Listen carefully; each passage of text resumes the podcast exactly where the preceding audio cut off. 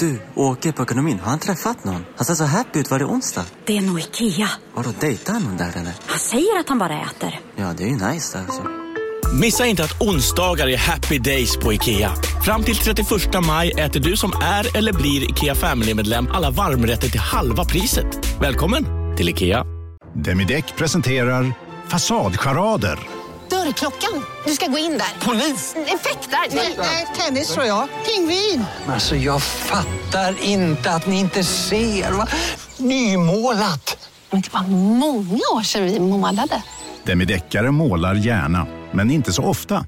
Hej, Susanne Axel här. När du gör som jag och listar dig på en av Krys vårdcentraler får du en fast läkarkontakt som kan din sjukdomshistoria.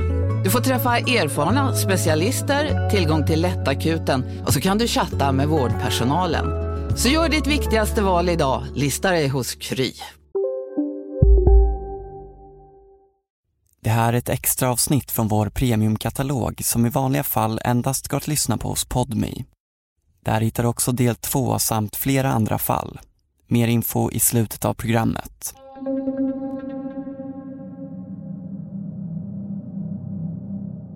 Först vill jag säga att jag är helt eh, oskyldig till detta. Jag har inte med det narkotika att göra. Jag har tagit stort avstånd till det hela mitt liv. Två män i Skåne döms till nio års fängelse för synnerligen grov narkotikasmuggling. Männen försökte importera flera hundra kilo kokain från Colombia. Det är nog största jag åtalat eh, på en enda sort. Det här är berättelsen om en av senare års stora kokainhärvor. Jag tror inte det gick till så här i, i Sverige. Och en man som kan vara oskyldigt dömd. Nonsens, tycker jag att det är. Jag kan förbi dig. Ja, har landat en pall. Vill man använda det telefonsamtalet som ett bevis, eh, då går det också att motbevisa det.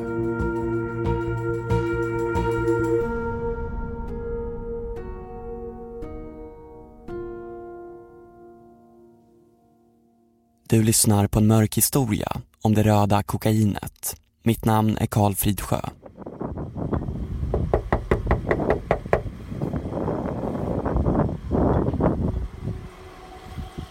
Det här ljudet kommer från en mobilkamera. Det är filmat den 24 januari 2018. En mulen och rå förmiddag knackade på dörren till en fabrik i det lilla samhället Glumslöv i nordvästra Skåne. Tjena, hej! DHL. Ja, vad har vi för något? En pall. En pall. Från? Två tullpoliser utklädda till DHL-personal levererar en pall. Ja, perfekt.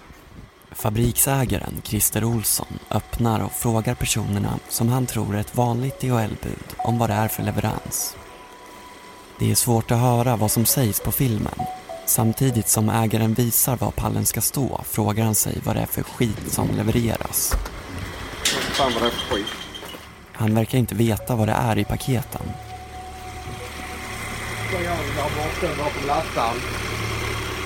Backa bort här borta.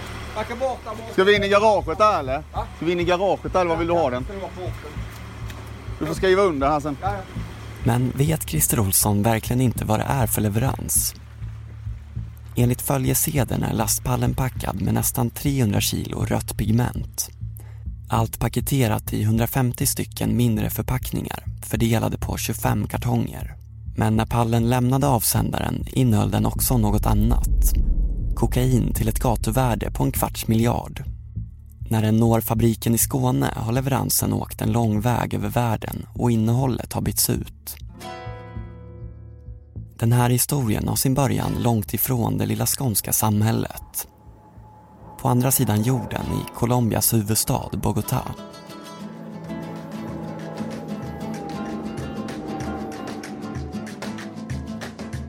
Den 16 januari, en dryg vecka innan leveransen når Glumslöv, kommer en pall med flygfrakt från Colombia till Madrid i Spanien. Den stoppas av den spanska tullen som vill kontrollera innehållet.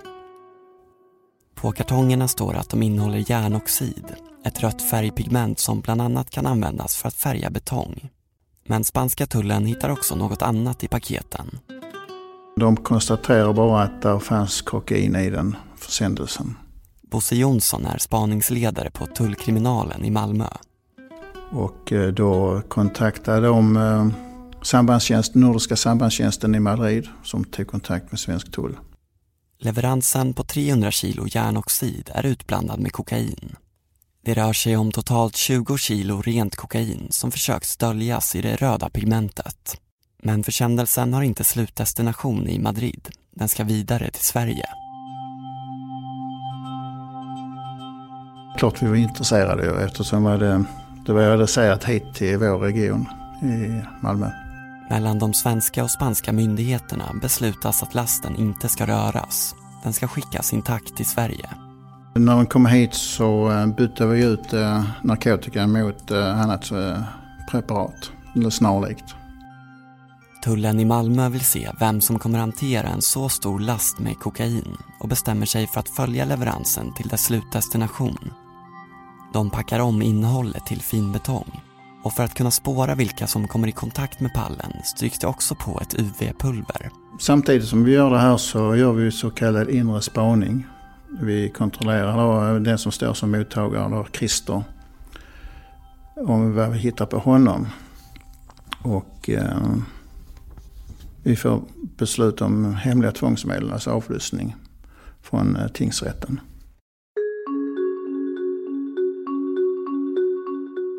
Leveransen är adresserad till betongfabriken i Glumslöv och dess ägare Christer Olsson.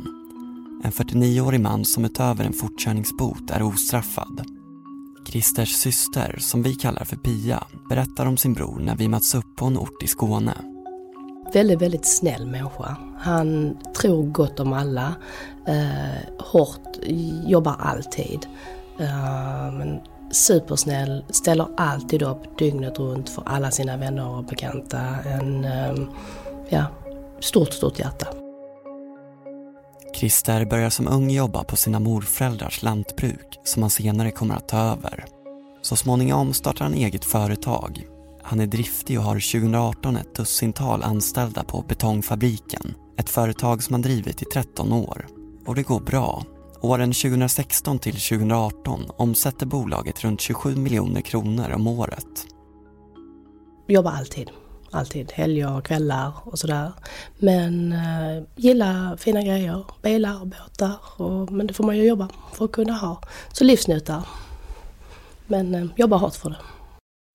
2013 förstörs fabriken i en brand orsakad av ett tekniskt fel. På en bild i Helsingborgs Dagblad från tiden syns Christer stå i arbetskläder framför sitt nedbrunna livsverk. I artikeln beskriver han det som den värsta dagen i sitt liv. Ändå ler han mot kameran och redan dagen efter börjar de dra igång verksamheten på nytt. Man brukar säga att det finns 100 procent men om man säger 200 procent är det minsta han har gett. Väldigt, väldigt driftig. Vi ska tillbaka till januari 2018. Tullen har fattat beslut om att pallen med det utbytta kokainet nu ska levereras. Leveransen är penslad med UV-pulver och utrustad med en spårsändare. Nu ska tullen ta reda på vem eller vilka som är tänkta att ta emot den ovanligt stora mängden kokain. Spaningsledare Bosse Jonsson.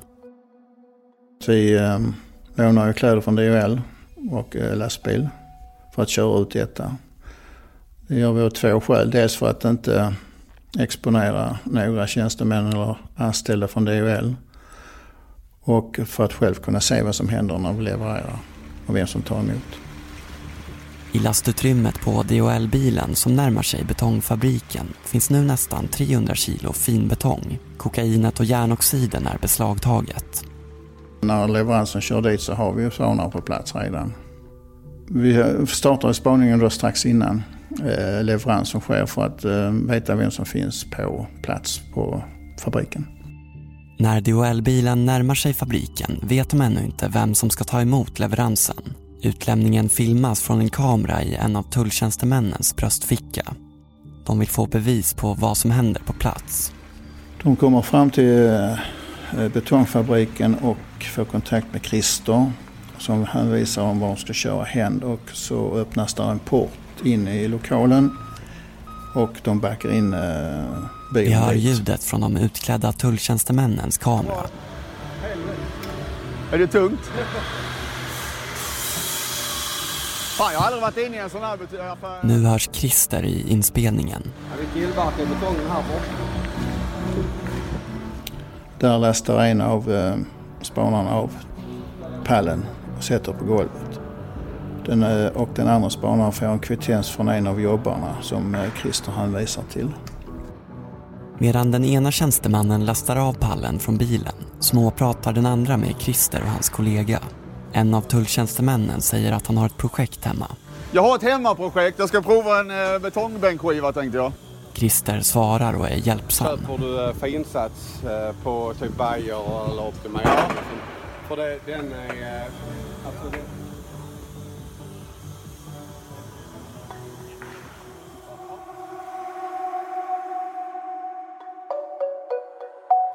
I januari 2018 spenderar Christer mycket av sin tid uppe i Stockholm. Där har han startat ett dotterbolag. En stor del av ansvaret för fabriken i Glumslöv har han därför lämnat över till kollegorna på plats. Men just den här morgonen är han där. Trots att han är trevlig upplever tulltjänstemännen honom som överraskad, nervös och stressad. Vi hör honom i tullens inspelning. bara, bara ställ skiten med lastaren. Tulltjänstemannen försöker ta reda på vad Christer har att säga om innehållet. Vad sa du, var detta något färgmedel? Pigment. eller? Pigment. Ja. Men detta är sånt kaki eller sån... ehm, Jag tror det är sånt kakifärgat. För det I lokalen pågår ett svetsarbete i bakgrunden som gör det svårt att höra vad som sägs. Men konversationen finns återgiven i tulltjänstemännens berättelser. Och lyssnar man noga hörs det att en anställd till Christer, som är med och tar emot leveransen, utbrister att det är kokain inuti. Det är efter att han sett att paketets ursprungsland är Colombia. Vi lyssnar. eh,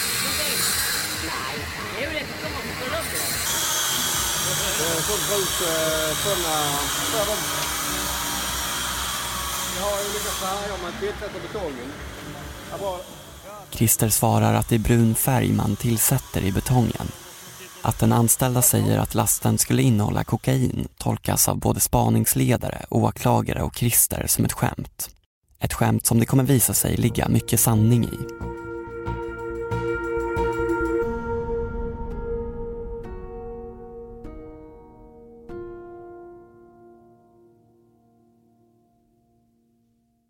Pallen är levererad. Nu väntar spaningsledaren på vad som ska hända.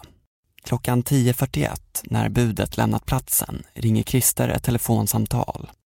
Det går till hans barndomsvän som vi kallar för Thomas. De vet inte att de sedan två dagar är avlyssnade. Spaningsledare Bosse Jonsson. Christer ringer ju till Thomas när han har fått pallen och säger att den har kommit.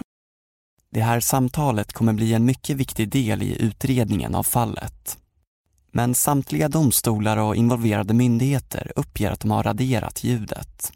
Efter mycket sökande lyckas vi få tag i den hemliga inspelningen och kan nu för första gången publicera samtalet.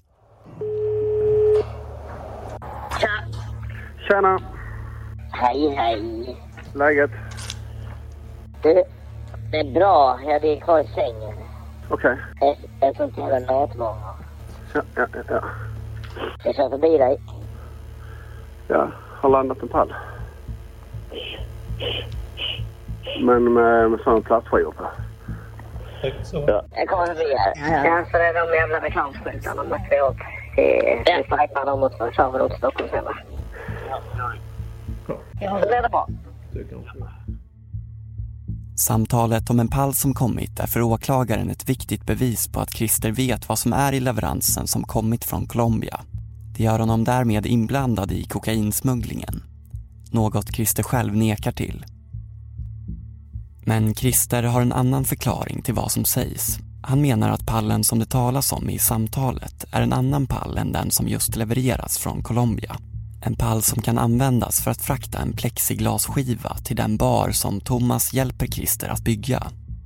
Vi hör Christer förklara för rätten vad samtalet enligt honom handlar om. Jag har hållit på med det poolhuset i tio år och nu skulle det bli färdigt. Så jag har baren kvar och har bastun kvar så det är inga stora grejer. Och han hade varit och mätt plexiglasskivan till mig. Och jag var ju rätt så ledsen om den hade blåst sönder, om vi bär in den. Nonsens, tycker jag att det är. Åklagare Mikael Hansson köper inte Christers förklaring. Det här samtalet kommer spela stor roll för allt som kommer hända i det här fallet. Vi ska återkomma till det och vad som egentligen hörs.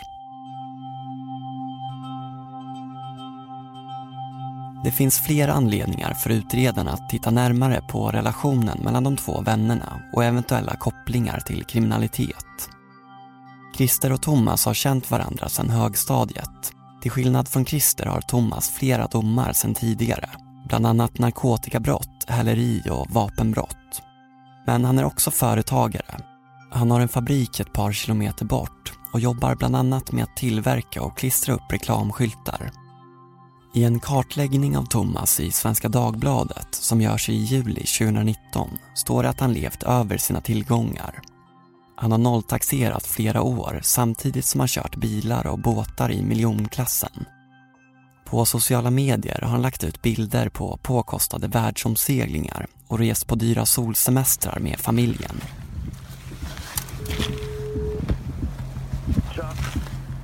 Samtidigt som tullen avlyssnar Christer och Thomas fortsätter deras spaning utanför betongfabriken. De har tagit in spanare från hela Sverige för att klara insatsen.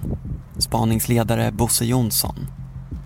Det är inte alltid så glamoröst att ligga och spana längre tid när det inte händer någonting och det är just vad som händer. Det händer ingenting på jättemånga dagar. Genom ett av fabrikens fönster har spanarna koll på pallen som stått orörd inne i betongfabriken i en vecka. Det här är många scenarier som kan spelas upp och som man sitter och diskuterar. Vad händer och varför händer ingenting? Men till sist händer något. Vid klockan 11 på kvällen den 31 januari 2018 syns ett släp på platsen. På spanarnas film som filmats genom fönstret syns två män hantera pallen. När de kör, fram, kör in den här hästtrailern i eh, lokalen och stänger portarna så uh, misstänker vi då att de lastar om och ska lästa det i den. Portarna går upp sen och uh, de misstänkta då är beredda att köra därifrån och då beslutar vi för att slå till helt enkelt på kvällen då. Insatsstyrka Syd är på plats med tullen och tar sig snabbt in i fabrikslokalen. Tre personer grips. Christer, Thomas och Johan. Johan, som egentligen heter något annat, är den tredje personen som kommer bli aktuell i utredningen. Johan är vän med Thomas sedan flera år och brukar utföra småjobb åt honom. Men Christer och Johan säger att de, fram till själva gripandet, aldrig har träffat varandra. Christer sitter i en betongbil utanför som ska köras in tydligen. Thomas och Johan är, är där inne och vid, eh, vid gripandet så, eh, så belyser vi dem med här UV-ljus och då ser vi att eh, de har hanterat det här som vi har lagt i paketerna. På bilder i förundersökningen syns att Thomas och Johan har tydliga spår av fluorescerande medel på händer och kläder. Det ämne tullen behandlade lådorna i pallen med innan de levererades. En liten bit bort från fabriken bor Christers syster Pia. Hon lägger märke till att det är något som pågår på gården. Jag sitter i tv-rummet och tittar så jag ser ner på gården och ser en massa bilar eh, på fabriken då. Han bor eh, i anslutning till fabriken. Och då sitter jag och min sambo och säger det är väldigt konstigt för klockan är 12 på natten eller däromkring och väldigt mycket bilar brukar det inte vara. Hon ringer Christer för att kolla så att det inte är ett inbrott men får inget svar. Tänker jag, han hade varit väldigt förkyld, tänkte han sover väl inga konstigheter. Och sen ungefär en timme senare ringer hans sambo helt förtvivlad. Ehm, och säger att Christer är borta. Christers sambo berättar för Pia vad som just har hänt. Och då har de stormat in i huset maskerade män med solglasögon, stora boots som man ser i värsta filmen. Ehm, hon är precis på väg in i duschen så hon har trosor och tröja på sig. Uh, hon tror det är ett skämt, någon som skojar. För det liksom tänkte, ja ja, vad hittar de nu på för någonting? Uh, stormar in, sen vänder de upp och ner på hela huset. Pia tar sig ner till sambon i Christers hus. Det, men man, man trodde inte det var sant. Jag trodde inte det gick till så här i, i Sverige. Hon möts av en stor oreda. Alla lådor är utdragna och ja, om man tittar på en amerikansk film när man ser att någon gör en search warrant eller inbrott. Så ser det ut i huset. Att eh, liksom alla skåp, lådorna utdragna, bara kastat grejer på golvet. Eh, och väldigt, väldigt skitigt huset. Det var ju i eh, sista januari. De har klampat in med, med stora skor och dynga överallt. Varken sambon eller syster Bara på Storytel. En natt i maj 1973 blir en kvinna brutalt mördad på en mörk gångväg. Lyssna på första delen i min nya ljudserie. Hennes sista steg av mig, Denise Rubberg. Inspirerad av verkliga händelser. Bara på Storytel. Om en så vidde på väg till dig för att du råkar ljuga från kollega om att du också hade en och innan du visste ordet av du hem kollegan på middag och... Då finns det flera smarta sätt att beställa hem din sous på. Som till våra paketboxar till exempel. Hälsningar Postnord. Här sitter jag i en ljudstudio tillsammans med ett sjölejon för att berätta att McDonalds nu ger fina deals i sin app till alla som slänger sin takeaway förpackning på rätt ställe. Även om skräpet kommer från andra snabbmatsrestauranger, exempelvis Eller till exempel Ja, precis. Får reda på varför polisen stormat in i Christers hus. De lever i ovisshet i flera dagar innan utredaren berättar vad Christer sitter misstänkt för. Eh, för då säger han att han är misstänkt för eh, drogsmuggling. Och, och, min bror hatar droger. Ja, jag bara skrattar. Jag bara tänkte, nej, nej, nej, nej, nej, nej, nej, nu har ni gjort fel. Nu får ni nog titta på detta igen. Det är ett stort skämt ju. Eh, när han gick i skolan på, han gick lantbruksskolan, hade han en kompis som eh, var beroende där och höll på att stryka med. Och han har sedan den dagen när han har sett det nära en på alltid varit jätte, jätte emot droger, liksom aktivt emot det. Så jag bara, nej, det, det, det finns inte. Det, det, det är liksom absolut inte droger. Tillslaget är det volymmässigt största kokainärendet som Tullverket i Region Syd utrett på ett decennium. Men är Christer verkligen inblandad?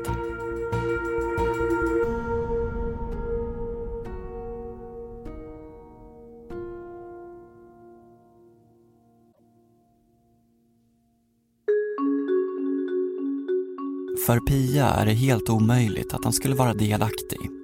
Pia känner sin bror och utöver det skulle han inte ens ha varit hemma den kvällen då tillslaget äger rum, menar hon.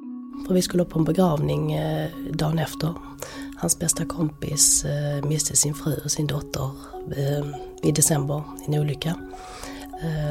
Nära familjevän till oss alla. Och då skulle vi kört upp den dagen som tillslaget var. Planen var egentligen att Christer och hans syster skulle åka upp till Stockholm för en begravning. Men jag ändrade det för jag var tvungen att jobba. Så att alla på fabriken visste att Christer skulle iväg den dagen, den kvällen. Men då ändrade vi det så vi skulle köra morgonen efter istället för jag var tvungen att jobba lite sent på den kvällen. Så han skulle inte varit hemma. Har Christer blivit indragen i något han inte har med att göra? Christer menar att han inte känt till något om kokain men åklagaren menar bestämt att bland annat det avlyssnade samtalet mellan Christer och Thomas bevisar motsatsen. Kort efter gripandet vid betongfabriken håller tullen de första förhören med Christer, Johan och Thomas. Alla tre nekar till att de skulle haft något med narkotikan att göra. Åklagare Mikael Hansson. Jag har för mig att, att de var rätt sparsmakade, de ville inte berätta så mycket. Under förhören ger männen sina versioner av händelseförloppet. Christer uppger att han inte har koll på alla pallar med gods som går in och ut i företaget. Eftersom jag inte köper in varken pigment, cement, grus eller sten så litar jag på att de som sitter på kontoret köper in rätt grejer till mig. Och vem som har beställt den här pallen vet han inte. Det kan, det kan vara de som blandar hos mig, det kan vara kunder som själva har beställt pallen genom de som blandar hos mig. Men jag kan inte svara på vem som beställt den. Han säger att han inte berättat för någon att den kommit. Inte heller att han fått betalt för att förvara den i fabriken. De tre männen har olika versioner av vad som hände på kvällen innan de grips. Christer berättar att Thomas var på betongfabriken för att sätta på nya klisterdekaler på bilarna eftersom de ändrat adress till hemsidan. Han var tvungen att utföra jobbet kvällstid eftersom bilarna är ute och åker om dagarna. Thomas var ju lite mer lurig. Även Thomas bekräftar att han var på betongfabriken för att sätta upp klisterdekaler på kvällen. Trots att han grips med spår av UV-pulver på sig säger han att han inte haft med lådorna på pallen att göra. Thomas berättar i tingsrätten. Den förkastar jag helt. Jag vet ju att jag inte har rört de där grejerna. När förhörsledarna konfronterar honom med bevismaterial och återger vad de andra berättat säger han att det inte stämmer eller att han inte minns. Inledningsvis var det väl lite så att Thomas försökte lägga skulden på Johan. Som vi ganska snabbt konstaterade att, att, att eh, det var bara en kille som man skulle använda för att tömma den här eh, utbytta narkotikan, ingenting annat. Johan berättar att han ombeds hjälpa Thomas på betongfabriken mot betalning. Även fast han då är upptagen med annat ger han sig snart iväg för att hämta Thomas. De lastar bilen med klisterdekaler och verktyg. Johan berättar i tingsrätten. När vi använde glömslöv så bar vi in verktygen och väl inne säger till att jag kan börja med att fixa de sista kartongerna. Medan han går iväg i lokalen. Jag gör som han säger. Uh, detta är kartongerna står inne i släpet. Det mesta är redan gjort. När de kommer fram till fabriken visar Thomas Johan ett släp med lådor och hinkar. Han ber Johan att hälla över innehållet i lådorna till hinkarna. Men Thomas och Johans versioner skiljer sig alltså. Thomas menar att Johan ljuger när han säger att han ombetts följa med till betongfabriken och utföra ett jobb åt Thomas. I brist på erkännanden fortsätter utredningen att samla annan bevisning. Man fick ju jobba framåt med, med, med den fysiska bevisningen. Hemma hos Thomas flickvän hittas fluorescerande medel på ytterdörren och en garderob. Alltså händelseförloppet som jag ser det, det har ju inte Thomas vitsordat heller egentligen, men Thomas åker själv ut till betongfabriken på eftermiddagen den 31 januari. Och eh, börjar själv då tömma de här kartongerna. Och jag tror inte att han fattar att det är utbytt utan jag tror han hittar en spårsändare som tullen hade placerat i pallen. Åklagaren menar att Thomas inser att han stött på problem och därför vill ha med sig Johan. Och det är då han fattar att han måste eh, finna en syndabock. Det är då han ringer till Johan och ber honom komma och hjälpa honom lasta av resten medan han ska göra sken av att han ska byta ut dekalerna på Christers bilar. I husrannsakan i Thomas fabrik hittas en lista med kemikalier som enligt NFCs kemister kan användas för att rena kokain. Har man de här kemikalieförteckningarna och tar emot rödfärgat kokain så eh, visar det ju på att, att det är tanken med det hela. Hos Johan hittas två kopior av kemikalielistorna men någon lokal där kokainet var planerat att renas hittas aldrig. Däremot hittas något annat. Under förundersökningen hittade vi ytterligare en, en sån här äh, beställning från samma företag i Colombia som hade kommit till betongfabriken i oktober. Utredningen visar att betongfabriken sammanlagt har tagit emot tre leveranser från Colombia. De första två har tullen missat. Det upptäckte vi så pass långt fram i förundersökningen så när vi begärde in telefonlistor från operatörerna så fanns det inte det kvar längre. För då hade vi kanske kunnat ringa in platsen där man eh, kanske skulle ha rengjort kokainet. Den första leveransen var en enstaka låda med färgpigment som blev stående i betongfabrikens kontor. Den kom från samma avsändare i Colombia men visar sig efter analys inte innehålla droger. Leverans nummer två var på totalt 182 kilo. Spaningsledare Bosse Jonsson. Ja, vi misstänker att den första 12 kilos leveransen eh, var en provleverans, se om det fungerar. Sen tror vi att den andra leveransen var, var kokain. Den andra leveransen anländer till betongfabriken den 23 oktober 2017 och vid den tidpunkten befinner sig Christer på fabriken i Stockholm Vi hör honom i tingsrätten. Var jag inte kroppslindar så var jag med hjärnan där uppe och jobbade hela, hela tiden. För att det är, det är mycket som ska på plats. Han säger sig få reda på att den leveransen åkte in och ut ur fabriken först genom utredningen. Men utredarna hittar bilder i Johans telefon från dagen efter, den 24 oktober. Bilderna är tagna på kartongerna som står staplade i Johans bil tidig eftermiddag. Och det visar sig att polisen varit närmare än man förstått. Strax efter det att bilderna tagits stoppas Johan på Landskronavägen som går utanför Glumslöv. Han påträffas med att köra sin bil som inte skattats. Vad trafikpolisen vid vägkanten inte vet är att bilen i efterhand misstänks ha varit lastad med kokain vid tillfället. Men Johan säger att han på Thomas uppdrag varit och hämtat kartonger ovetande om vad det varit i. Vi hör Johan i tingsrätten. Jag tror aldrig att det ska vara någonting som är olagligt eller eh, att de ens håller på med det. Jag tror detta är ordentliga grejer. Det är likadant som om jag åker och hämtar trä på byggvaruhuset så antar jag att det är ett gediget bolag och har koll på sitt. Ja, alltså jag, jag vet inte mer än så. Jag personligen tycker att det framkommer att man behöver en syndabock när man stöter på problem. Och det tycker jag framkommer rätt så hyfsat i utredningen.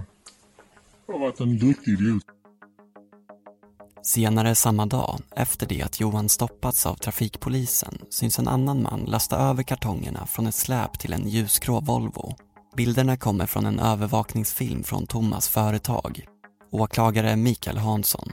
Vi, vi fick en, en bild på en man som lastade in kartonger i en, i en Volvo. Men vi lyckades aldrig identifiera honom. Den, gick ut, den bilden gick ut till samtliga eh, poliser spaningar men det var ingen som kunde känna igen honom.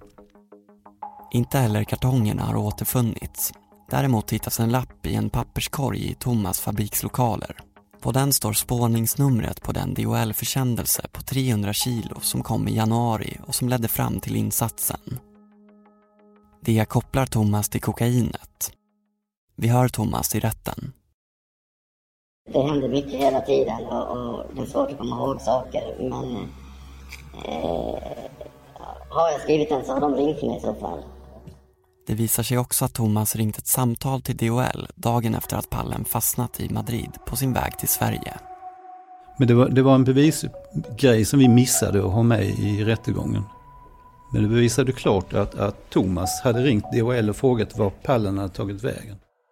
Den tekniska bevisningen åklagaren har att gå på är lappen med spårningsnumret och kemikalielistorna över ämnen som kan rena kokain. Åklagaren menar också att det faktum att de tre männen fanns på betongfabriken när lasten togs om hand är ett bevis på deras delaktighet. Thomas och Johan hade tydliga spår av tullens UV-pulver på sig. Det hade inte Christer. Han är helt oförstående till det han anklagas för och menar att han hjälpt utredningen på alla sätt. I tingsrätten berättar han. Jag har svarat på allting. Jag har öppnat mina, min, min telefon, mina datorer, allting. De har fått göra hus, eller fått, de har gjort husrannsakan hos mig två gånger. Eh, all bokföring, alla mina bankkonton och allting. Och faktum är att det varken hemma hos Christer eller på betongfabriken hittas någon teknisk bevisning som intresserar åklagaren. I hans bostad så vad jag erinrar mig hittar man inget speciellt. Man hittar lite pengar och sånt men inget, inget som vi använder som bevisning.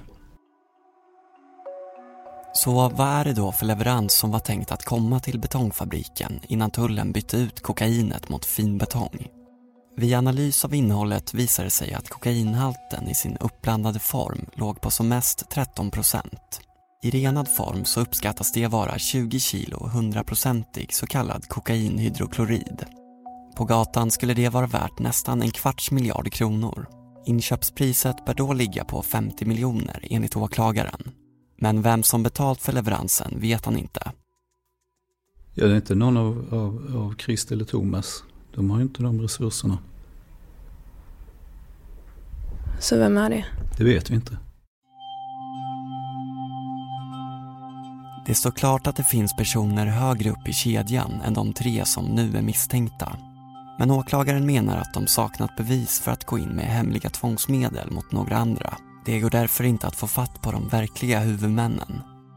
Genom tullens sambandsman i Colombia försöker de ta reda på varifrån pallen med kokain skickats. De kollar upp företaget som det sägs ha levererats från. Vi fattade väl ganska omgående att det företaget som sådant var ju ett, ett legitimt företag så att de skulle ju inte få för sig att skicka det här i, i eget namn ju. Där tar det stopp för utredarna.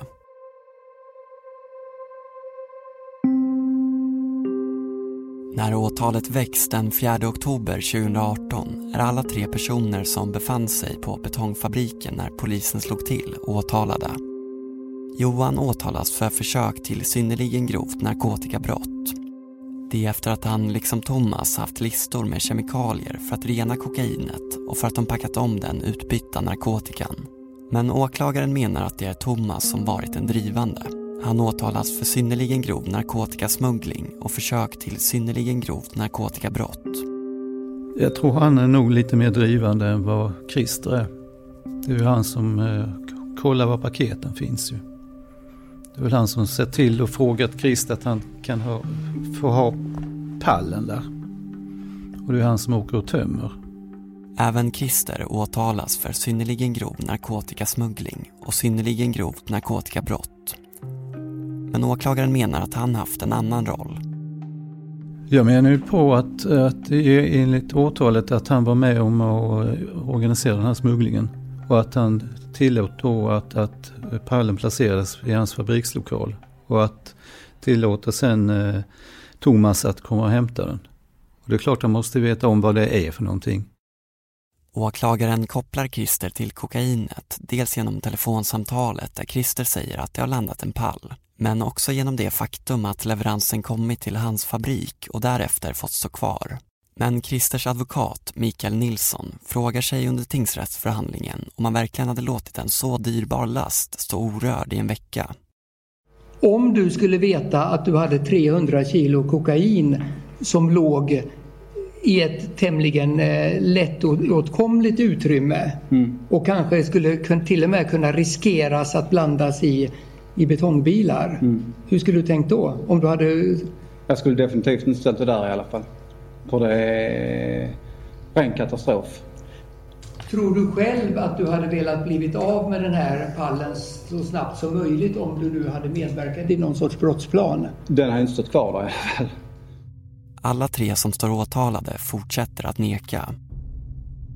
När Christers anhöriga får läsa utredningen upplever de att det är mycket som inte stämmer. Christers styvson Pontus berättar. Vi reagerade direkt på att det var väldigt kort, det var väldigt eh, fåordigt där förundersökningsprotokollet. Eh, det var många konstigheter, alltså bara som datum som inte stämde och namn som inte stämde. Och eh, en massa korrigeringar som fick göras i rättegången i tingsrätten. Familjen börjar läsa så mycket det går av både förundersökningen och åtalet. Bekymret var att det fanns ingenting som vi kunde ta på, på Christer överhuvudtaget. Och eh, det är svårt att skydda sig i fallet att man inte har någonting att skydda sig emot. Hade det varit som så att, eh, att Christer hade, att det fanns ett påtagligt bevis emot honom så hade vi kunnat jobba med det. Men det var väldigt, väldigt svårt när vi skulle eh, motbevisa ett bevis som inte fanns. De menar att åtalet saknar bevisning mot Christer. Samtidigt får de inte anklagelserna att gå ihop med den Christer de känner. Varför skulle han sätta allt på spel? Jag, jag kan inte se, du riskerar inte allt du har när du jobbat så hårt ehm, för detta. Och, och det som jag sa innan, att droger, han är så emot det. Så att, eh, nej, absolut inte. Det, det, jag tror han har blivit utnyttjad på något vis. Och det finns fler som kommer hävda Christers oskuld när målet tas vidare till högre instanser. Och fler bevis som borde varit intressanta för utredningen kommer komma fram från annat håll. I nästa avsnitt. Det finns vissa saker som är konstiga. Detta är från DHL i Colombia. Eh, om inte det är tillräckligt att gå på för en utredande myndighet eh, så vet jag faktiskt inte vad man kan efterfråga. Det, det känns för mig helt, helt vansinne.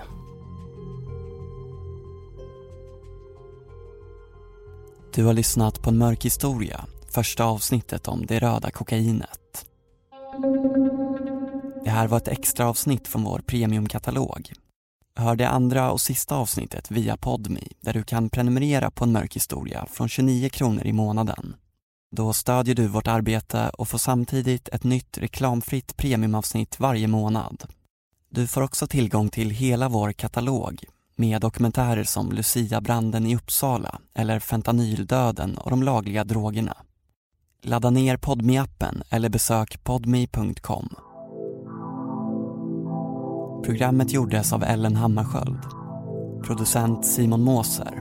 Exekutiva producenter var Joel Silberstein Hont och jag, Karl Fridsjö. En mörk historia produceras av produktionsbolaget Just Stories. Alla som inte förekommer i form av yrkespersoner eller som tilltalade är underrättade om avsnittets publicering.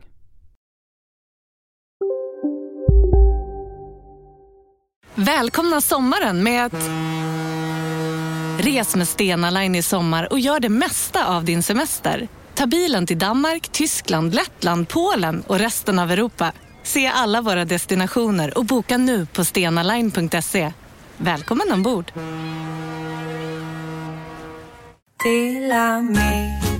Hej! Är du en av dem som tycker om att dela saker med andra? Då kommer dina öron att gilla det här. Hos Telenor kan man dela mobilabonnemang. Ju fler ni är, desto billigare blir det. Skaffa Telenor familj med upp till sju extra användare. Välkommen till någon av Telenors butiker eller telenor.se. Ni är med om det största. Och det största är den minsta. Ni minns de första ögonblicken. Och den där blicken gör er starkare. Så starka att ni är ömtåliga. Men hittar trygghet i Sveriges populäraste barnförsäkring. Trygg Hansa. Trygghet för livet.